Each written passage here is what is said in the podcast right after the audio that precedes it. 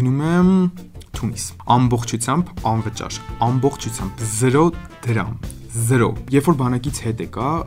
տեղս չէի գտնում չէի հասկանում ինչ պետք է որոշումը կայացրել էի որ պետքա համալսարանից դուրս գամ դիմումը գրում եմ տունը սկսվում է մի հատ մեծ կռիվ իսկ ես փող չունեմ որ անգամ TOEFL հանձնեմ հասկանում ես կրթությունը պետքա լինի բոլորի համար ոչ թե մենակ նրանց համար ովքեր ունեն փող մաման սկսում է խառնված ճշտել զանգերա անում կարող է տանեն թրաֆիքինգի էս ինչա կատարվում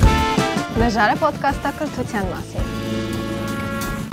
Ողջույն բոլորին, այսօրվա մեր հյուրը Հայկն է, ու ինքը էստեղ է, որովհետև ինքը Erasmus-ի կամավորների համակարգողն է։ Ինքը հենց այն մարդն է, որ ընտրում է, թե որ մասնակիցներ են անցնում հաջորդ փուլ ու մասնակցելու են կամավորական ծրագրերի, գնալու են տարբեր երկրներ, անվճար ճանապարհորդելու են ու այսօր կիսվելու է նաև այդ թիփերով, նաև շատ հետաքրքիր պատմություն ունի, այստեղ Հայաստանում սովորել է համալսարանում, կիսած է թողել կրթությունը, գնացել է Չեխիա, այս պայն սովորում է Չեխիայում ու մեր ոդկասթում կկիսվի իր անցած ուղով ինչ որ հետաքրքիր թիփերով Նաև անգլերեն ա դասավանդում ու մեզ հետ կկիսվի թե ինչ կարանք անենք, որ մեր անգլերները լավանա։ Արի սկսենք ամենասկզբից մասնագիտություն ընտրել, համալսարան գնալ, այդ թեմաներից ոնց է քո մոտ եղել, ոնց ես ընտրել մասնագիտություն համալսարանդ։ Առհասարակ միշտ վախեցել եմ ընտրել մասնագիտություն, որովհետև միշտ մտածել եմ, որ մասնագիտությունը իմ հետ է լինելու իմ ամբողջ կյանքի ընթացքում ու մտածել եմ, լավ, բա որ ես ընտրեմ ու հետո հիասթափվեմ դուրս չգա։ Ինչ եմ անելու։ Էլ չեմ կարող փոխեմ, արդեն տարիքով շատ մեծ եմ լինելու, էլ չեմ կարելի գնամ նորից սովորեմ։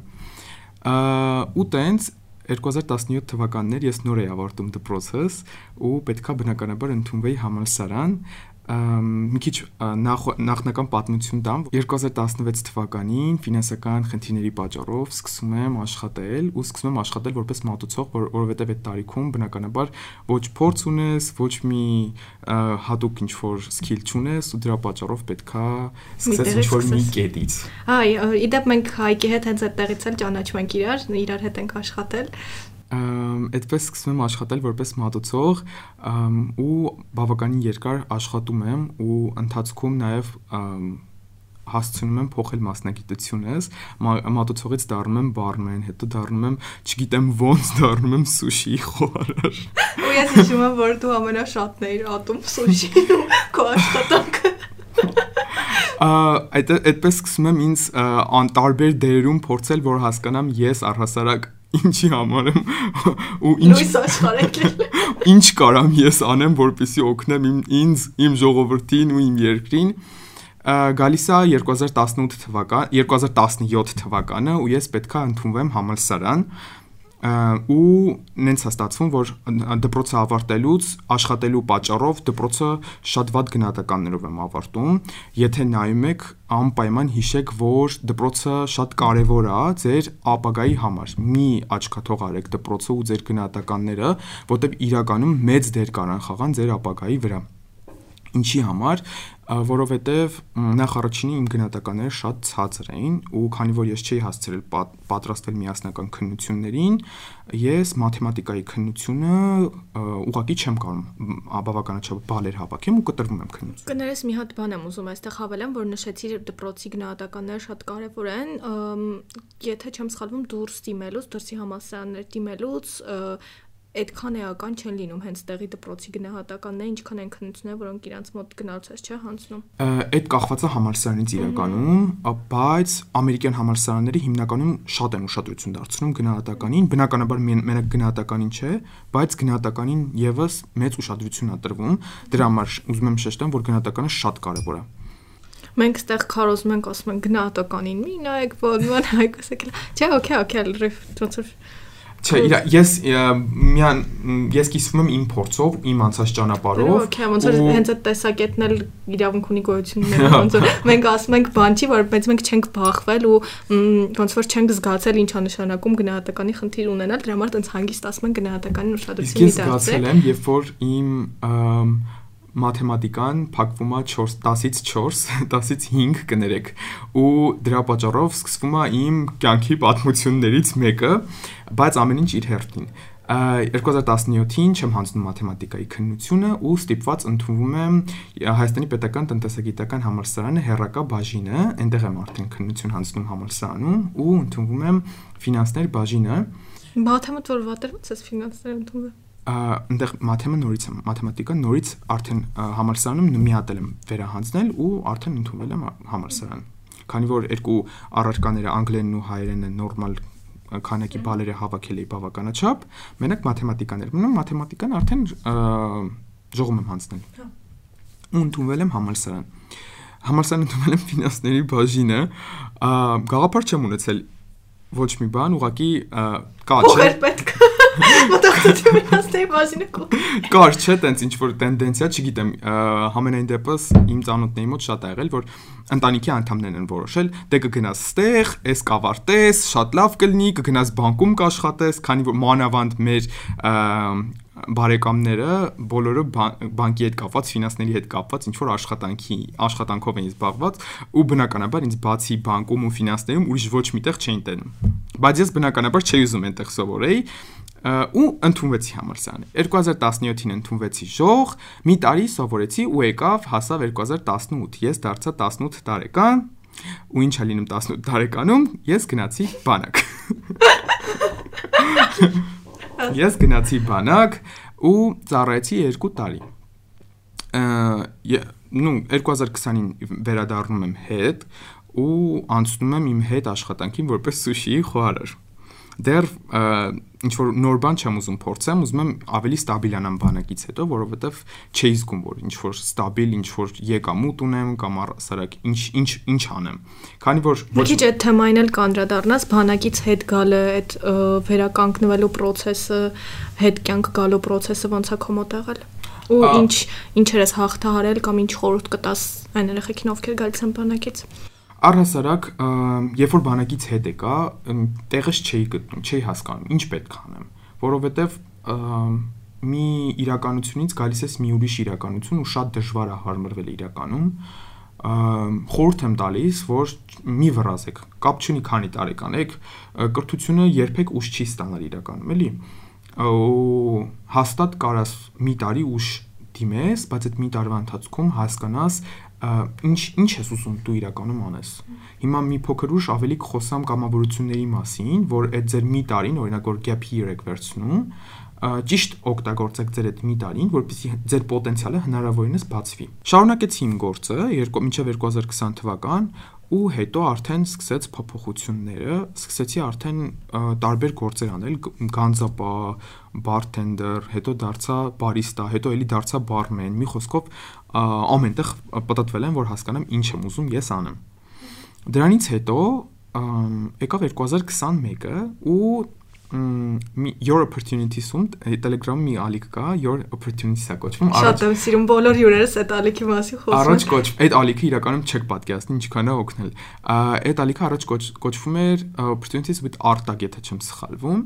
Տենում եմ ինչ որ մի հատ NGO, այդ վաղ չգիտեմ NGO-ն ինչ հա, առհասարակ ինչը ինչ հա։ Հասարակական կազմակերպություններն են հկա։ Հասարակական կազմակերպություններն են, հա կներեք իմ անգլերենի համար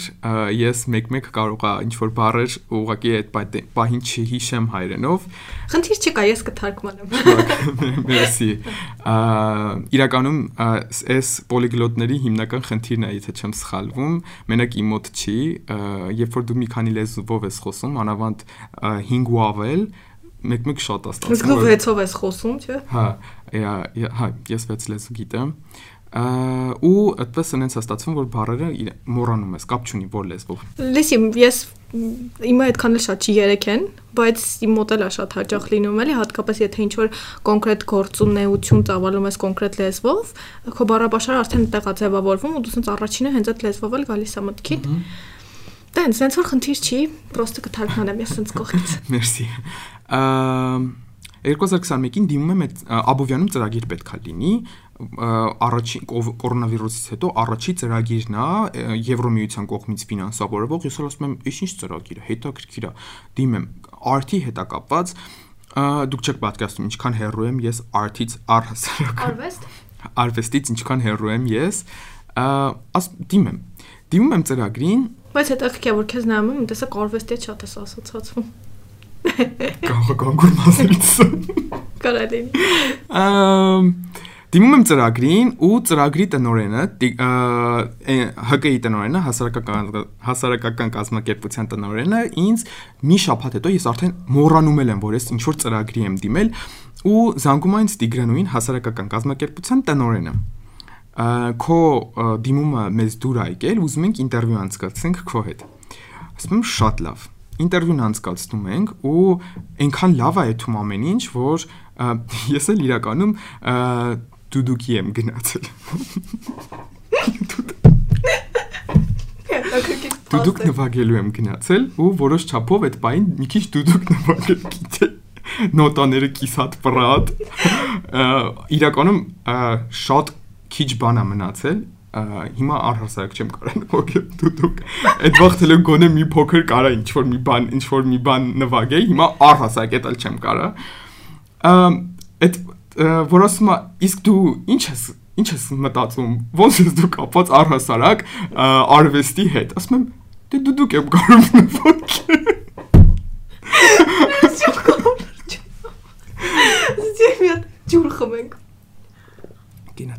որ ասում եմ դու դուք եմ կարող նվագեմ հկայի տնորենը սկսում է բարձր ծիծաղալը ես զարմանում եմ ինչի համար է ծիծաղում հետո parza դառնում որ արվեստ ինքը ի նկատի ունի նկարչություն ինչ որ այդ կարգի արվեստ այլ ոչ թե երաշտական արվեստի նկատի ունի ես էլ արվեստի հետ միակ բանը որ ես ինձ կարայի ասոցացնեի այդ բային այդ դուդուկն էր այդ ինտերվյուն ճիշտ ասած այնքան լավ անցնում որ Տիգրանուին ՀԿ-ի տնօրենը հենց այդ բային որոշում է որ ես պետքա մասնակցեմ այդ ծրագրին առհասարակ ինտերվյուից հետո մի քանի օր դեռ ոնց որ ընտրության փուլն է սկսվում, երբ որ ՀԿ-ի անդամները, տնորենը եւ իր անձնակազմը նստում են ու սկսում են բոլոր դիմողների պրոֆայլները նայել, որ հասկանան ով է ավելի շատ համապատասխանում ծրագրին։ Ու տենց ես անցնում եմ այդ ծրագրին ու ես անգ չէի կարա մտածեի, որ այդ մի Աբովյանի ծրագիրը, որ նայում ես, ասում ես, դու այդ ծրագրի հետ կապ չունես, բացարձակ, ոչ մի կապ չունես այդ ծրագրի հետ, ու այդ ծրագիրը կարա քո կյանքը 180 աստիճանով փոխի։ Գնում եմ մասնակցում եմ այդ ծրագրի, ամառվա ծրագիրա։ ու իրականում շատ ակտիվ եմ ես, որտեղ որ գնում եմ, սիրում եմ ինձ լավ կողմից ցույց տալ, հնարավորինս շատ օգնել մարդկանց ու Տիգրանուին նկատում ա որ ես իրականում շատ եմ տենց գնում ես կոմ գալիս ուզում եմ ինչ-որ մի բանով օգնեմ ու ինձ ծրագրի երրորդ օրը նշանակում է Հայաստանի խմբի ավակը, որpիսի ես կոորդինացնեմ Հայաստանի խումբը։ Ծրագիրը 10 օրանի էր ու ծրագրի ավարտից հետո Տիգրանուին ինձ առաջարկ անում աշխատանքի արդեն, որ մնամ ու աշխատեմ այդ կազմակերպությունում որպես կամավորների կոորդինատոր։ Կներես մի հատ բան եմ ուզում այստեղ ոնց որ եզրակացություն անեմ, որ բացի ծրագրային մասնակցելու շատ կարևոր նաև այդ ծրագրային մասնակցության ժամանակ ներգրաված լինել ու ցույց տալ, որտեղ ես շատ երեխեքից եմ լսել, որ իրանք որ ակտիվ են լինում, իրանք նկատում են հետո աշխատանքի առաջարկներ են ունենում ու ու ամենապարզը ոնց որ մարդ, մարդիկ քեզ հիշում են ու շատ դեպքերում կարողանում են ֆիքսում են քո ինչ որ սկիլեր, քո հմտություններ, որոնք դու ցույց ես տալիս ու դու դրանց մեջ լավ ես, դրանք ֆիքսելով արդեն երբ որ անհրաժեշտ մարդ է լինում, իրանք հիշում են քեզ ու դիմում են. Շատ ճիշտ ես ասում, մասնակցելը դեռ բավական չի իրականում, մասնակցել կա, մասնակցել կա, մասնակցելու ընթացքում դու պետքա քեզ ցույց տաս հնարավորինս լավ կողմից, հնարավորինս փորձես լինես ներգրաված, անես քո մաքսիմումը որովհետև ծրագրերը շատ կարևոր են ծրագրերի միտումը այն է որ դու օգնես մարդկանց, այն մարդկանց, ովքեր գաղափար չունեն, իմ պես մարդկանց, ովքեր 2021-ին բացարձակ գաղափար չունեն, ինչ են ուզում անեն, առհասարակ ինչ հնարավորություններ կան այս մեծ աշխարհում այդ մարդկանց ավելի շատ բացահայտեն ու հասկանան թե իրանք ինչի համար են առհասարակ պետք ինչ են ուզում իրանք անեն իրանք կյանքի հետ 2021-ին դառնում կամավորների կոորդինատոր ու այդտեղից արդեն իմ կյանքը սկսում է փոխվել աստիճանաբար այդ վաղ դեռ համել բարմեն է աշխատում ու այդ հկայի հետ առաջին անգամ գնում եմ Թունիս ամբողջությամբ անվճար ամբողջությամբ 0 դրամ 0 Այդ ուզում եմ դες բարձր շեշտեմ, որ 0 դրամ, որովհետև իրականում դրանի այդ եղել է իմ ամենամեծ trip-ը, ամենամեծ ճանապարհորդությունը։ Դրանից առաջ ես մենակ Ռուսաստանում եմ եղել, որովհետև ես ծնվել եմ ու մենք տեղափոխվել ենք Ռուսաստան, հա, իդեպ դրա հետ էլ կապված լիքը խնդիրներ ա առաջացել իրականում, որովհետև ոնց որ որ ես Ռուսաստանում եմ ապրել, belonging խնդիր է եղել իրականում պատկանելիության խնդիր եմ միշտ ունեցել, որովհետև չեմ հասկացել ում եմ որտեղ եմ պատկանում Հայաստանին ավելի շատ, Ռուսաստանին ավելի շատ։ Ու Թունիսում հասկանում եմ առաջին անգամ մտքից գալիս է, որ ես չեմ ուզում սովորեմ ժողում, որովհետև ժողը ինձ ոչ մի բան չի տալիս։ Ժողում սովորել եմ, ուզում եմ որ մի քիչ արդարացում էլ մտցնեմ, որ ժողում սովորել եմ բացարձակ գերազանց ու եղել եմ համալսարանի, եթե չեմ սխալվում, միակ տղա ավակը այդ չգիտեմ ոնց է ստացվել որ ես եմ դարձել ավակ, որովհետև այդ պահին ինչ որ խնդիր կար, ինչպես միշտ, ու ավակ չկար ու մեր կուրսը հնարավորինս ցակուցրի վիճակում էր ու այդ պայն շնց ներվայնանում եմ, ասում եմ, դե ուրեմն եթե ոչ մեկ չի կարողանում, ես եմ անում։ Գնում եմ սաղ թղթերը հավաքում եմ ու 5 րոպե ինչ որ քարտերի հետ կապած խնդիր կար, այդ լուծում եմ ու այդ օրվանից դեկան ասում է, «Վсё, դու լինում ես այդ ավակը, այդ կուրսի»։ Ասում եմ, «Okay, ինչ անեմ»։ Պատասխանատվություն վերցնելու հմտությունը եկամ շատ կարևոր է հատկապես leadership-ի առաջնորդության հա մեջ հենց այդ է էլի որ տարբերակում է ոնց որ մարդկանց ու դու դա ցուցաբերել ես Թունիսից հետո վերադառնում ենք Հայաստան ու Թունիսը պարային ծրագիր էր էլի արվեստի հետ կապված ու էլի ինչպես միշտ ես ու էլ ինչպես միշտ ես գաղափար չունեմ ես ինչ եմ անում այդ թեպետ ծրագրից հետո արդեն որոշ չափի հասկանում եմ արվեստը ինչ է ոնց պետքա ես ինձ ցուցաբերեմ ու արդեն պարային երաժշտության հետ էր կապված այս արվեստի ծրագիրը որտեղ ես ինձ ավելի կոմֆորտ էի զգում որովհետև դուդուկի էի գնացել որովհետև ես դուդուկի էի գնացել գալիս ենք ծրագրից հետ ու հաջորդ ծրագիրը լինում է Ռումինիայում։ Դու այդ ժամանակ որպես կամավոր մասնակից չէիր, չէ՞, այսինքն դու որպես ՀԿ-ի ներկայացուցիչ էիր։ Ես այդ ժամանակ փորձաշրջանի մեջ էի դեռ, կամավորների կոորդինատորի փորձաշրջանի մեջ էի։ Այդ այդ ժամանակ համընկավ այնպես, որ մեր ծրագրերից մեկի մասնակիցը ինձ գործի աշխատանքի առաջարկ անում ասում է, որ գազམ་ակերպություն կա, որը օգնում է ուսանողներին ընդունվել համալսարաններ, աշխարի բոլոր համալսարանները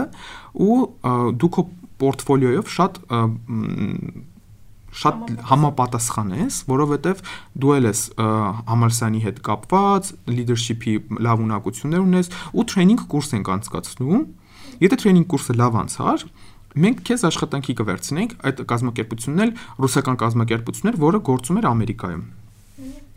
ասում եմ շատ լավ իրականում այդ բային ինձ էլ էր շատ ձեռնատու remote գործ ունենալը որովհետև ես էլ չգիտեի որտեղ եմ ես լինելու հաջորդ վարքյանին որովհետև մեր կազմակերպ ՀԿ-ի ծրագրերը տարբեր աշխարհի տարբեր կետերում են Եվրոպայի ու աշխարհի առհասարակ սկսում եմ այդ այդ աշխատանքով զբաղվել ու 2022-ի սկզբին արդեն սկսում եմ բավականին շատ ճամփորդել դրանից հետո մի հատ ինչ որ փուլ է սկսվում իմ կյանքում, որը մի քիչ իրականում շատ դաս տվող փուլ է պատերազմից հետո Ուկրաինայի ու Ռուսաստանի այդ Ռուսաստան ռուսական կազմակերպության դեմ սանկցիաներ է սկսվում ու հաշիվները փակվում են ըմ դե մեզ էլ պետքա բնականաբար աշխատավարձ, որ կարողանանք շարունակենք մեր գործը մեզ տնորենը սկսում է խափելը ու սկսում է ինչ որ փոքր գումարներ ուղարկի, որ մեզ պահի բայց ու ասում եմ մեր աշխատավարձը այսօր վաղը, այսօր վաղը։ Նենց է ստացվում, որ չգիտեմ ոնց ինքը կարողանում է ամբողջ աշխատակազմին 6 ամիս այդենց պահի։ Վերջում ստացվում անենց, որ ներքին պարակտում է սկսում մեր մեջ ու այդ կազմակերպությունը ուղղակի պայթում է մի վարքյանում ու բոլորս հասկանում ենք, որ այսքան ժամանակ ինքը մեզ ուղղակի խափել է այդ պահին տնօրենը մեզ բոլորիս պարտք լինում բավականաչափ մեծ քանակությամբ գումար։ Կոնկրետ իմ հաշվով կարամ ասեմ, որ ինձ պարտք կազմակերպություն լինում 2000 դոլար որ նայում ես 2000 դոլարը շատ մեծ գումար է իրականում։ Մանավանդ այն մարդու համար, ով որ նոր նոր սկսում է ստաբիլանալ, ոդքի կանգնել։ Ամ այդ պահին ես արդեն ոնց որ որոշել էի, որոշումը կայացրել էի, որ պետքա համալսարանից դուրս գամ, դիմումը գրում եմ, բայց բնականաբար դիմումը գրում եմ, ինձանից գող գալիս եմ տուն ու տունը սկսվում է մի հատ մեծ կռիվ։ Կռիվ ինչի համար։ Կներես, էլի Միքայել հետ գնանք, ոնց դու այդ որոշումը կայացրեցիր ու ոնց որ որ կուրս էիր երկրորդ, երրորդ։ Երրորդ։ Երրորդ, երրորդ կուրսում էիր, ոնց որոշեցիր, որ ընդամենը մի տարի էր մնացել, որ դիպլոմը ստանաս, Չէ, հա։ ոնց դու կարողացար այդ որոշումը կայացնել, որ չէ, վсё տքի ես դուրս եմ գալիս։ Իրականում 2 տարի, որովհետև ես հերակայում էի սովորում, բայց դա էական բան չի փոխում, որովհետև 2 տարին էլ կարելի է։ Կոպիտ ասած մեծ մասը անցել է։ Այդ մարդկանց մեծ մասը հենց այդ լոգիկայով չի դադարեցնում ինչ որ պահի էլի։ Նախ առաջինը հասկացա, որ բավականին երկրներ գնալուց ու հետ գալուց հասկացա, որ Հայաստանում կրթությունը ցավոք սրտի շատ վատ վիճակում է, որովհետև իրականում ոչ օբյեկտիվ սուբյեկտիվ ձևով են չափում քո գիտելիքները ու թեկուս ը, սովորում էի բացարձակ այնպիսի բաներ, որոնք ես չէի ուզում։ Ես չէի ուզում այդ սովորեի ու հնարավորություն չունեի ընտրելու այն, ինչ որ ես եմ ուզում սովորեմ։ Այսինքն հա հասկացա ինչի մասին ես դրսի համալսարաններում այդ առարկաների մեջ ընտրություն կատարելու հնարավորություն կա ու բացի այդ դու քո մասնագիտականից բացի ունենված հնարավորություն ընտրելու այլ բաներ ու փորձելու իսկ Հայաստանում ոնց որ շատ դպրոցական համակարգի պես այսինքն կա հստակ առարկաների ցանկ հստակ դասացակ ու դուք ոնց որ ամբողջ կուրսով չունեք լայն ընտրության հնարավորություն Ու ա, ճիշտ ասած ես երկու անգամ եմ համալսարանից դուրս եկել։ Առաջին անգամ դիմումը գրում եմ դուրս եմ գալիս, Instagram-ում առաջինը պետքա post անեմ, ես համալսարանից դուրս եմ եկել։ ոնց որ ես որոշել եմ չգնամ համալսարան Ես համալսարանից դուրս եմ եկել, տեսեք ինչ լավ բան եմ արել։ Համալսա դիմումի մի օրինակը վերցնում եմ ու սուտիզոնից գող մտնում եմ տուն, մամանա դուրս գալիս դեմս։ Էդ ինչա ձեռդ։ Ասում եմ համալսարանից դուրս եմ եկել։ ու ուտեղ սկսվում է եր- եր- երկորյա պատերազմ իմ մամայի մեջ ու գուշակեք ինչա լինում հաջորդը։ Ես գնում եմ ու դիմումս հետ եմ տալիս։ Ես գնում եմ ու դիմումս հետ եմ տալիս ու շարունակում եմ սովորել։ Շարունակում եմ սո- սովորել ժողում ու այդ ընթացքում ես ես արդեն էլ շատ չեմ գնում դասերի, որովհետև իրականում չի ուզում զուտ այդ խնդիրն է, որ ուղարկվում եմ ես համալսարան, ոչ թե գնում եմ։ Կներես էլի մի հատ էլ հարց տամ, ձեր պատերազմը ավելի մանրամասն կներկայացնես, ոնց որ ինչ ինչ էր ասում մաման, ինչ էր ասում դու ու ոնց ստացվեց, որ մաման հաղթեց այդ պատերազմում։ Իրականում ասում էի, որ ես չեմ ուզում այնտեղ սովորեմ, որովհետև ես չեմ գտնում ինձ նախ առաջինը ֆինանսներում, որովհետև ես չեմ կարող պատկերացնեմ ինձ ինչ որ միտեղ 8 ժամ, 9 ժամ նստեմ, ինչ որ գործ անեմ։ Որովհետև ես Էն էլ բանկում, էն էլ մեխանիկա։ ես ուղղակի երկրորդ օրը ինձ հորիզոնական դիրքով կտանեին բանկից։ Անկեղծ եմ ասում։ ու տենց բայց դե բնականաբար մաման իր կետերն ա բերում որ դու այդքան սովորել ես մենք այդքան փող ենք ներդրել այդ քո ուսման մեջ իրականում ինչքան էր իմ վարձը 450.000 դրամ էր ու 3 տարվա համար որ նայում ես 450.000 դրամը շատ մեծ գումար է գալիս որ դու պետքա աննորմալ լինես որ երրորդ կուրսից այդքան փողը հələ գումարը այդքան ծախսես համարսանի վրա ու դուրս գաս ուղակի Չէ, որ ասում ես պետքա աննորմալ լինես, մի քիչ համաձայն չեմ, որովհետև մենք չենք նայում որ դու հələ պետքա 2 տարի էլ այդքան գումարը ծախսես ու վիտոգե մեկա չստանաս ոչինչ, այսինքն ճիշտ պահին ստոպ տալու հարցն է, էլի։ Ես շատ հիանում եմ քո այդ որոշմամբ, էլի դրա համար ուզում եմ կիսվես, որովհետև շատերը երբ որ ճանապարհի կեսը անցնում են, նախընտրում են մինչև վերջ հասնելը, բայց չեն էլ դիտարկում թե այդ երկրորդ կեսի մեջ ինչ են կորցնելու կամ ինչ են ներդնելու։ Ճիշտ պահի ստոպ տալը ինքը կարևոր հա, բան է։ Հմտություն իրականում դու պետքա մի քիչ էլ աննորմալ լինես, եթե ուզում ես ինչ որ նոր բաների հասնես։ Հա, հա, լավ իմաստով աննորմալ։ հա, հիմա ասեմ ինչի համար։ Մի խոսքով հանձնում եմ դիմումս, հետ եմ հանձնում, այսինքն դիմումս ու սկսում եմ շարունակ շարունակում եմ կրթությունս ժողում։ Այդ ընթացքում էլի ակտիվ ինչ որ տարբեր երկրներ եմ գնում, ակտիվ կամավորական ծրագրերի եմ մասնակցում, երիտասարդների եմ մարզերից հավաքում իրանց հետ սկսում եմ արդեն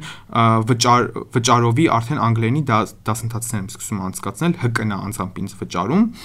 թե առաջ ես ուղակի կամավորություն էի անում անգլերեն սովորացնելով, հիմա արդեն սկսում եմ վճարվել կամավոր իմ գործի համար։ Այդ էլ շատ կարևոր բան է, ես զգացել եմ,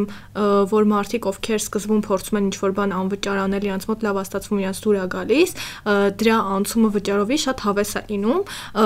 Ինչի եմ էսի նշում, որովհետև եթե դու ինչ-որ բան ի սկզբանե սկսում ես անվճար անել, եթե դու այդ շարունակում ես, ուրեմն դու այդ սիրում ես։ Իսկ եթե ինչ-որ բան ի սկզբանե գումարի դիմաց ես սկսում, շատ դժվար է հասկանալ թե ոնց որ շատ դժվար է նախ հրաժարվել իրանից, որովհետև ինքը քեզ գումար է բերում ու դու իրանից կախվածության մեջ ես, ու շատ դժվար է այդտեղ հասկանալ դու արդյոք սիրում ես այդ թե չես սիրում։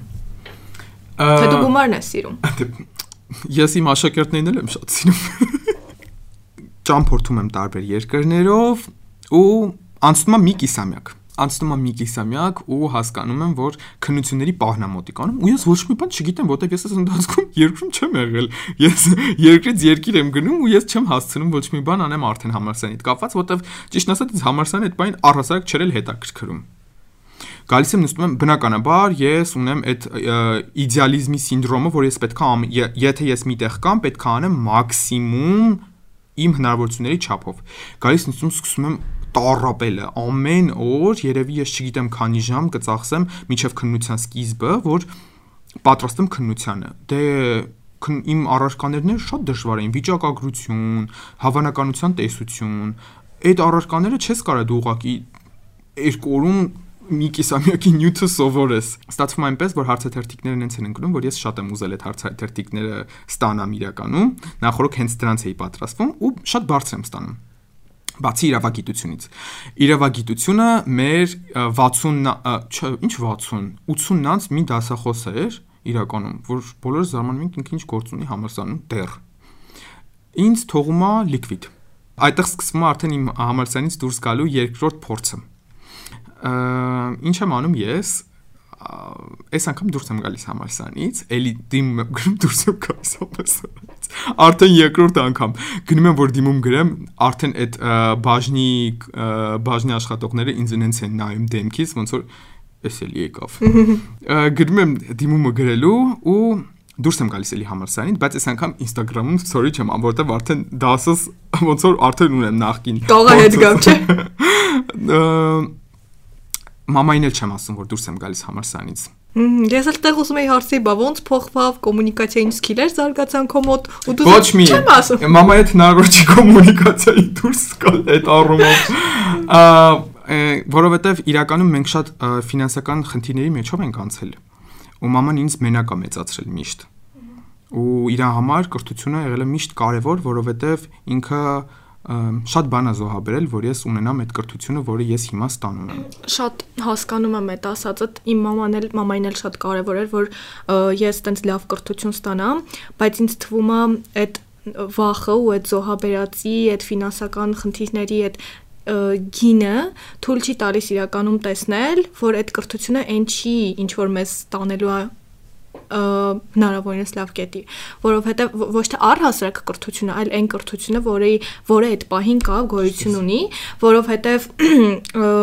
նույն նույն որ քննարկում ենք էլի մեր համասարանների ոնց որ կրթությունը, համակարգը, մոտեցումը եւ այլն, ինքը զգալի ավելի լավը կարա լինի։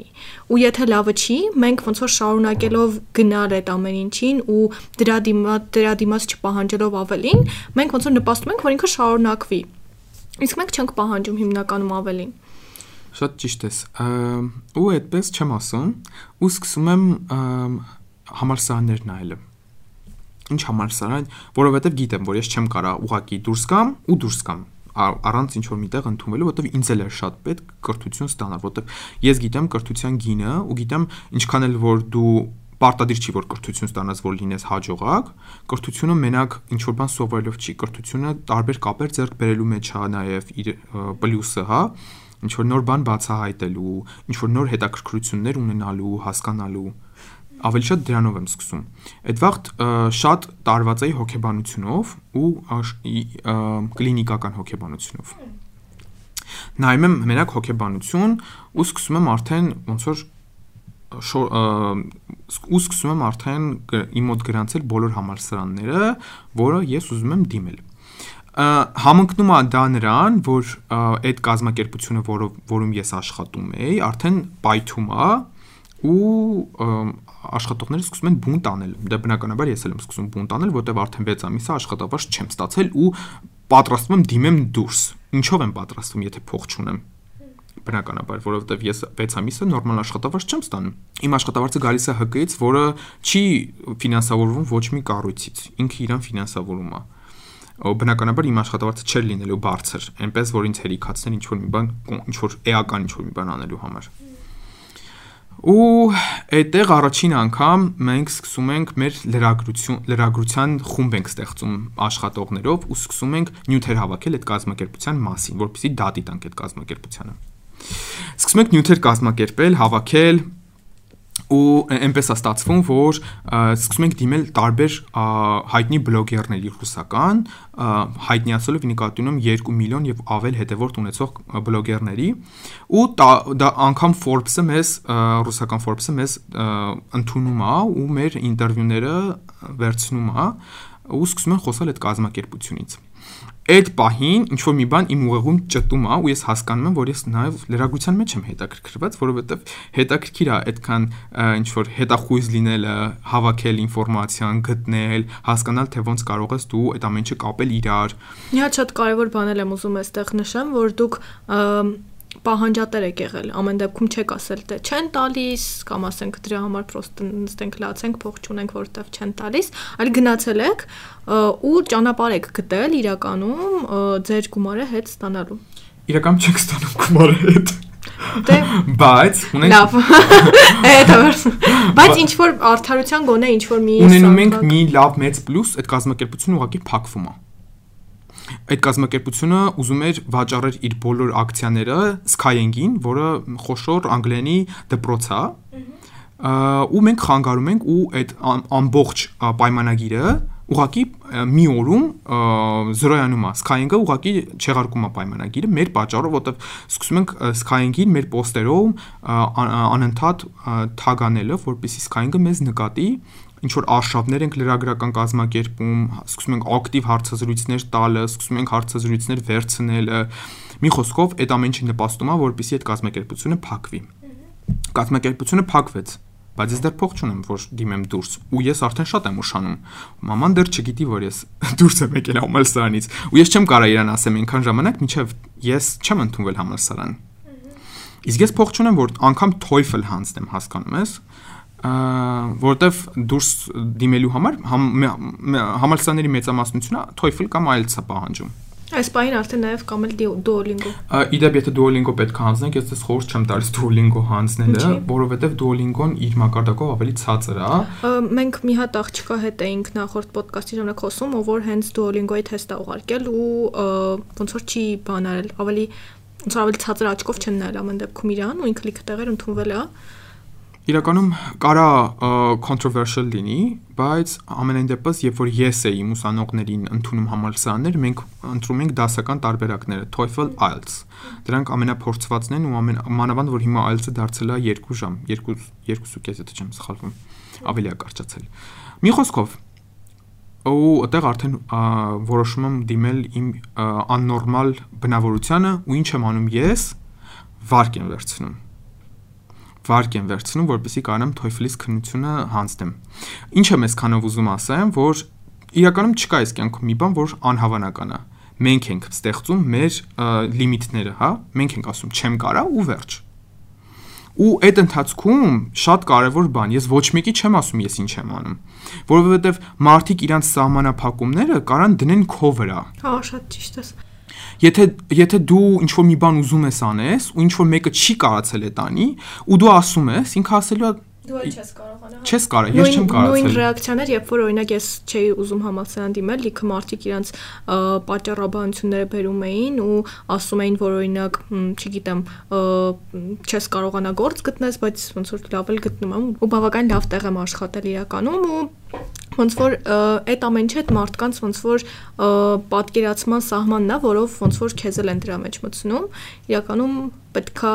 կենտրոնանաս ֆոկուսդ պահես ու հնարավորին շատ մարդկանց հետ խոսաս, որովհետև ինչքան շատ մարդ, այդքան շատ կարծիք, այդքան շատ դու բաց ես լինում աշխարհի այդ բոլոր հնարավորությունների հանդեպ, ը, եթե դու մի հատ բաբլում ես մնում, հա, մարդկանց, ինչ եմ ուզում սրանով ասեմ, որ եթե քո շրջապատում բոլոր մարդիկ այդպես են կարծում, դու մտածել ես, որ դա է, էլի աշխարհը, բայց եթե դու շատ մարդկանց հետ շփվես ու լսես ինչ որ մեկի կարծիքով, որ ասում է, բայց սենց էլ է հնարավոր, դու կարող մտածես, հմ, աշխարհը ոնց որ ավելի մեծ է Շատ ճիշտ է ու որոշում եմ ոչ մեկի չասեմ, ինչ եմ ես առհասարակ պլանավորում անեմ։ Սկսում եմ դիմել TOEFL-ը TOEFL-ը վերցնում եմ ու ունեմ ընդամենը 5 օր անկեղծ առանց չափազանցնելու 5 օր TOEFL-ի քննությանը պատրաստվելու համար։ Իսկ ով ով որ պատրաստվում է TOEFL-ին հանձնել, գիտի որ TOEFL-ին չեն պատրաստվում 5 օրում։ TOEFL-ին պատրաստվում են 2 ամսում, կակ մինիմում 2 ամսում պատրաստվում են TOEFL-ի համար, որովհետև ը, իրական եթե ուզում ես բարձր գնահատական ստանաս ու համալսարանների մեծ մասը մինիմում 80 բալ է ուզում 120-ից ը, նորմալ համալսարանների մասին է խոսքը հանձնում եմ TOEFL-ը այն վախով որ ես այլ երկրորդ շանսի հնարավորություն էլ չունեմ որտեղ այն էլ վարկ չեն տալու. Վերջ. Միա մաքսիմում վարկը արդեն որ կարայի վերցնի վերցրել եմ դրանից. Ավել էլ չեմ կարա փող վերցնեմ. Մամային չեմ կարա ասեմ որ ես ուզում եմ ուզում եմ ընդունվեմ համալսարան ու հաստատ որ եթե կարանել իրանից փող չի վերցնելու որտեվ ինքը արդեն իր ամբողջ ռեսուրսները ուղղում է մեր տունը պահելու վրա ու հերիք ջիես չեմ օգնում մի հատ էլ չեմ պատրաստվում խանգարեմ մի խոսքով 5 օր պատրաստվում եմ քննությանը գնում եմ հանձնում եմ ու ստանում եմ 91 Ա, իրականում համ տխուր էի, համ ուրախ էի, որովհետև ինձ թվում էր, որ ես կարայի բարձր ստանայի, որովհետև ա, անգլերենի դասատու եմ ես, բնականաբար։ Մարդիկ մարդկանց թվում է, եթե դու անգլերենի դասատու ես, դու պետքա ա, ամեն ինչ անես գերգերազանց անգլերենի հետ կապված։ Բայց իրական ես վերջերս շատ շատ երեխեք հետ էի խոսում, շատերը ասում են, որ անգլերենի մակարդակը այդքան TOEFL-ի հետ կապ չունի, որովհետև ինքը ավելի շատ Տեխնիկական է։ Ես հենց այդ էի ուզում ավելացնել, որ իրականում TOEFL-ը տեխնիկական սկիլերն է ստուգում, ոչ թե քո անգլերենի ունակությունը։ Մի խոսքով ստանում եմ 91 ու հասկանում եմ, որ ես կարող եմ դիմեմ մի քանի համալսարանի, որտեվ 91-ը բավարար է։ Ավելի ավելի լուրջ դիմում եմ երկու համալսարանի, Վիլնյուսում, Լիտվայում Լիտվայում Վիլնյուսի համալսարանին եմ դիմում կլինիկական հոգեբանություն ու դիմում եմ Չեխիայի Մասարիկ համալսարանին քաղաքագիտություն, լրագրություն ու կոմունիկացիա կուրսի համար դա ե- երակի կուրս է միացրած իրար, 3 տարբեր կուրսեր միացրած իրար, որը շատ նոր կուրս էր ու շատ հետաքրքրեց լրագրության հատվածը։ Մի խոսքով դիմում եմ գալիս է քննության օրը, որովհետև երկուսի համար էլ պետքա քննություն հանձնեմ entrance ընդունելության քննություն է կոչվում ընդունելության քննություն պիտի հանձնեմ ստանց հանձնում եմ ընդունելության քննությունը ստացվում է որ երկուսն էլ ստանում եմ 90 100-ից երկու ընդունելության քննությունն էլ ու բնականաբար ընդունում եմ երկու համալսարաններն էլ միաժամանակ Այստեղ արդեն սկսվում է երկրորդ ամենակարևոր ու ամենածանր որոշումը, որ պետքա կայացնեմ, դա որ համալսարան եմ գնում սովորելու։ Ամ իրականում շատ էի ուզում գնալ հոկեբանություն, բայց այդտեղ մի քանի ֆակտոր կար, որ ինձ ավելի հետ կանգնացրեց հոկեբանությունից, որ հոկեբանություն սովորելու համար դու պետքա շատ խորանաս ու պետքա շատ շարունակես։ Քանի որ ես արդեն 23 տարեկան էի, ես չէի կարա ինձ այդ թույլ տալ, որովհետև ես չեմ կարա միշտ կախված լինեմ ինչ որ մի բանից։ Ես պետքա հնարավորինս շուտ ավարտեմ ու ավարտեի ու սկսեի արդեն պլանավորել իմ ապագան որպես ոչ ուսանող։ Ընտրում եմ ինչ-ինչ պայմաններից ելնելով ընտրում եմ լրագրությունը Չեխիա, որը 3 տարի էր։ Իդեպ Չեխիայում ամ- համարյա բոլոր կուրսերը ա, 3 տարի են ու մանավանդ Չեխիան տրամադրում է չեխերենի կուրսեր, չեխերենի կուրսերը ավարտելուց հետո ա, չեխե եթե չեխերենով ես սկսում սովորել համալսարանը լրիվ անվճար է բացարձակ անվճար է դեռ ա, ինչ որ ա, կարող ես կրթաթոշակներ ստանալ քո ա, այլ ծախսերը հոգալու համար Գնում եմ համալսարան, ստացվում այնպես, որ արդեն ընդունվում եմ, գնում եմ համալսարան ու այնտեղ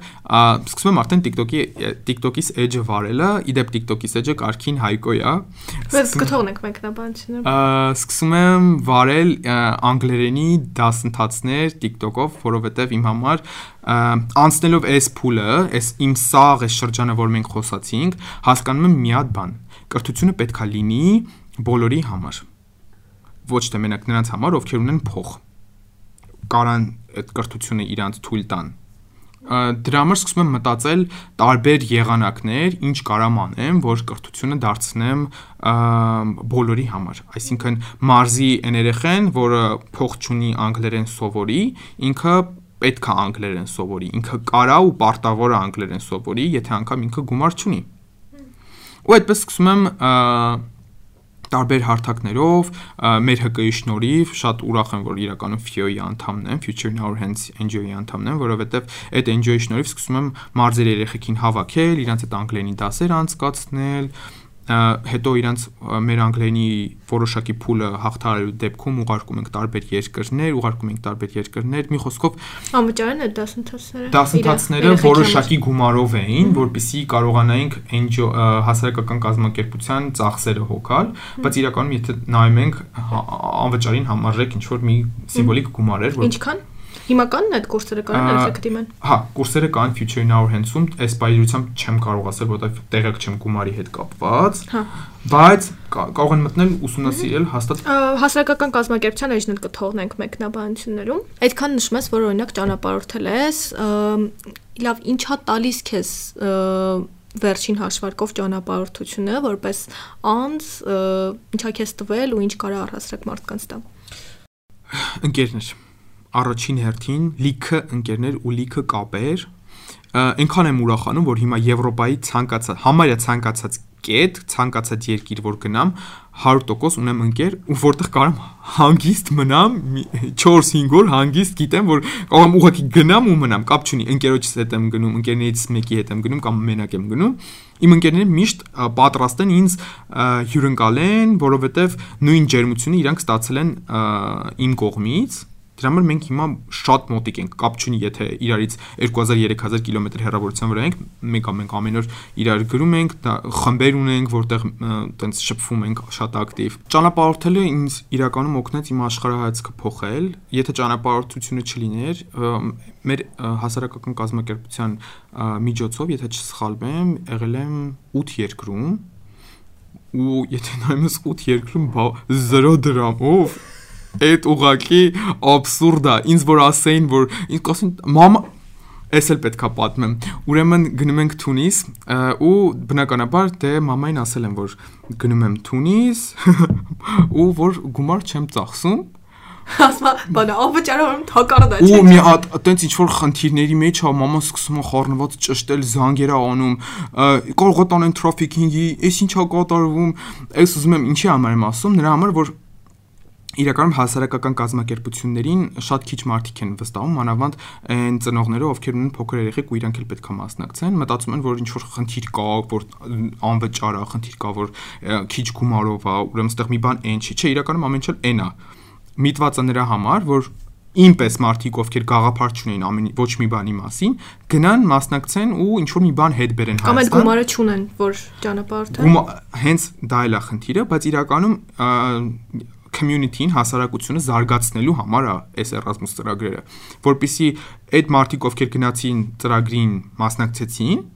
մենք հետ ենք գալիս ու այն նյութը, որը մենք սովորում ենք այդ մեր տրեյնինգների ընթացքում, բերում ենք ու բաժանում ենք այն երեխեքին, ովքեր չեն կարացել ինչ-ինչ պատճառներով գնան մասնակցեն, որտեվ ը, հիմա որպես եթե նայում եմ ոչ մաս, մասնակցի աչքերով, այլ նայում եմ որպես կոորդինատորի աչքերով, ովքեր ով ընտրում է մասնակիցներին, մեր մի ծրագրի համար կարող է դիմի 130 պլյուս մարդ, բայց մենք կարող ունենք ընդամենը 4 հոգու տեղ։ Էդ է խնդիրը։ Որ նշեցիր, որ դու ընտրում ես մասնակիցներին, նաև կկիսվես այդ դեպքում դու ինչ կրիտերիաներով ես ընտրում, ինչ եք ընտրում, հա, երևի մասնակիցներին ինչ պետքա արած լինեն կամ ինչի վրա աշխատեն երեխեքը, եթե ուզում են անվճար այդ ծրագրերին անցնեն ու ճանապարհորդեն աշխարհով։ Իրականում շատ տենց կոնկրետ բաներ չկան։ Ամենակարևորը, որ ուզում եմ ասեմ, նախորդ կարդացեք բովանդակությունը, հասկացեք ինչի մասին է ու արդյոք դուք համապատասխանում եք այդ ծրագրին։ Լիքը ծրագրեր կան, որ օրինակ դիմում են, գրված է կարող են դիմել 16-ից 25 տարի 16-ից 25 տարեկան մարդիկ։ Բացում եմ application-ները 35 տարեկան ինչ որ մեկը դիմել է, օքեյ, դիմել է լավ արել ուղղակի չեմ կարա ես ընտրեմ։ Բայց լինում են, չէ, դեպքեր, երբ օրինակ սահմանափակում կա, բայց ինչ որ բացառություններ են լինում, այսինքն այդ տարիքից Բնականաբար, վերներքը դրա համար- դիմում են ու օքեյ լինում։ Դրա համար պետքա շատ մեծ ուշադրություն դարձնեն այդ բովանդակությանը ու առասարակ այնտեղ կետերով նշված է Այսինքն ճիշտ եմ հասկանում, եթե տարիքը չհամապատասխանի, բայց անձը իրանով շատ համապատասխան լինի ծրագրին, գուցեև անցնի։ չէ Ուպս։ Ես փորձեցի երեխեք։ կներեք որովհետև այդ ամեն ինչը վերահսկվում է Էրազմուսի ու Եվրոպական միության կողմից ու դա խախտում է որովհետև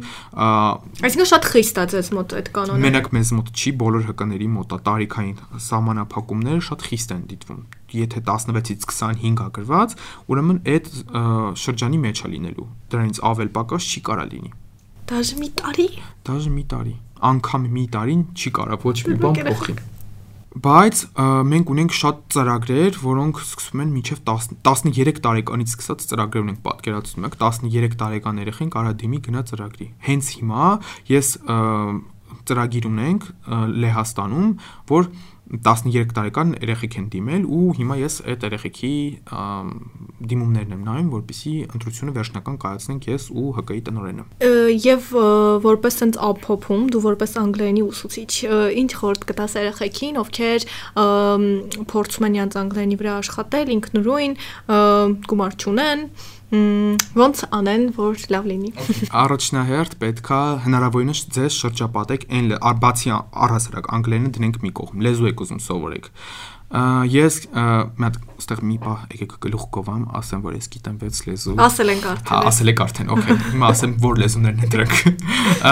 Ես խոսում եմ հայերեն, Արցախի բարբառը չենք հաշվում։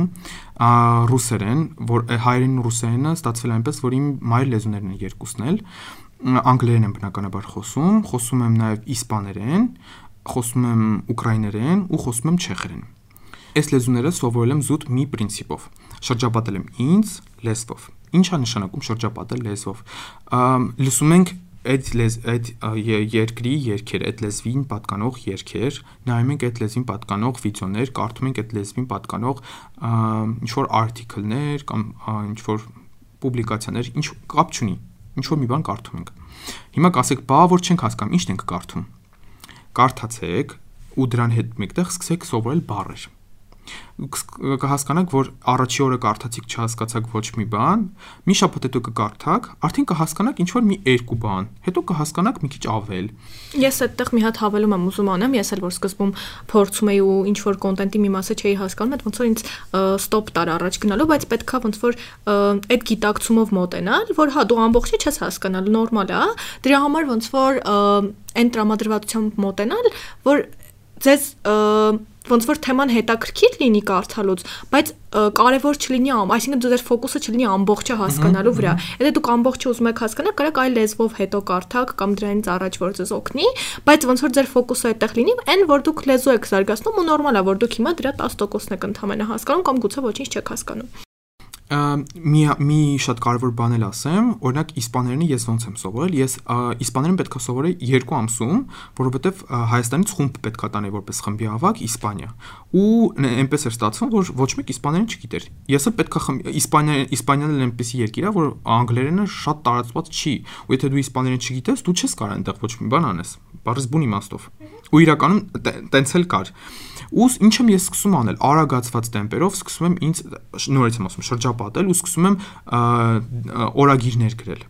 Ինչ եմ արել օրվա ընթացքում։ Կգրեմ երկու բառ։ Մի բառը կգրեմ այն լեզվով, որը գիտեմ ես։ Օրինակ, չգիտեմ այս բառը ոնց է, կգրեմ հայերենով կամ կգրեմ ռուսերենով։ Հետո գրեցի, օրինակ մի էջ ստացվեց, նայում դրամ քանի բառ ես չգիտեմ։ Այդ բառը գրեցի, որ հաջորդ օրը այդ բառը նոր արդեն կգրեմ ոնց սովորած վաղտ։ Եթե դու մի բառ օգտագործում ես անընդհատ, այդ բառը արդեն քո մոտ տպավորվում է։ Ու երրորդ ամենակարևորը հետևում էի այդ լեզ, լեզ, լեզվով լեզվով խոսացող բլոգերների, որը շատ է օգնում, որովհետև մեզ առաջնահերթ պետքա խոսակցական լեզուն, ոչ թե գրականը։ Գրականով ոչ մի բան չես կարող անես։ Պետքա սովորես այն ամենաբեյսիկները, ամենակարևոր բաները։ Օրինակ, ինչ կարակ անեք հիմա ժողովուրդ ջան, կարակ հետևեք իմ էջի։ Որտեղ որովհետև ես իմ էջում անընդհատ խոսում եմ ճանապարհորդություններից, խոսում եմ անգլերենից, խոսում եմ ու իմ կյանքից առհասարակ ու ամեն ինչ անում եմ անգլերենով բնականաբար որովհետև իմ follower-ների ու առհասարակ follower-ների մեծ քանակությունը դրանք տարբեր երկրների մասնակիցներն ում կապում է մի լեզու անգլերենը Իսկ իմ TikTok-յան էջում ես արդեն սովորացնում եմ անգլերեն հայերենով օգտագործելով ինչ-որ տենց խաղային, ինչ-որ հետաքրքիր վիդեոներ, դրանց թարգմանությունները, դրանց հետաքրքիր ֆրազաներ, առօրյա, որոնք իրականում կանան հետաքրքիր լինեն ու օգտակար։ Մերսի շատ քեզ, անպայման հայկի ակաունտներն էլ կդնենք, եթե ինչ-որ հարցեր կունենաք, ինչ-որ հարցով կարա հայկը ձեզ օգտակար լինի գրեք, վստահաբար բացա։ Այդ ամեն ինչի համար ձեզ էլ մերսի կհանդիպենք հաջորդ շաբաթ։ Հաջողություն։ Thank you.